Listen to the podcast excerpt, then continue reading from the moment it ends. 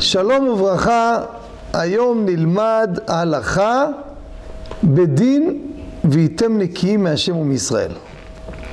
פעמים אדם נזקק, הוא נמצא בנסיעה באיזה עיר והוא רוצה להיכנס לקנות, הוא צמא מאוד לקנות איזה פחית שתייה או חוץ מקוותכם הוא צריך שירותים והמקום שנמצא שהוא יכול לקבל את מה שהוא צריך זו חנות שמוכרת מאכלות אסורות מקום שהוא לא כשר. האם מותר להיכנס למקום הזה או אסור? צריך לדעת שיש לנו בדברי רבותינו בהמון המון מקרים הלכות שאדם לא עושה עבירה אבל רבותינו אסור עליו לעשות את זה משום מראית עין או משום החשד. מראית עין, יראו אותו, ילמדו ממנו.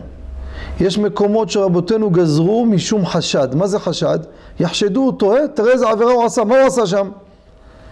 נמצא, להיכנס למקומות שמוכרים דברי איסור, אני לא מדבר מקום כמו קיוסק שמוכר מוצרים סגורים והוא לא מבשל שם. מקומות מסעדות שמוכרים דברים אסורים, אין להם תעודת כשרות, זה מבחינתנו מקום שמוכרים דברי איסור. אבל הוא נכנס לקחת פחית או איזה פגישה, הוא לא אוכל כלום.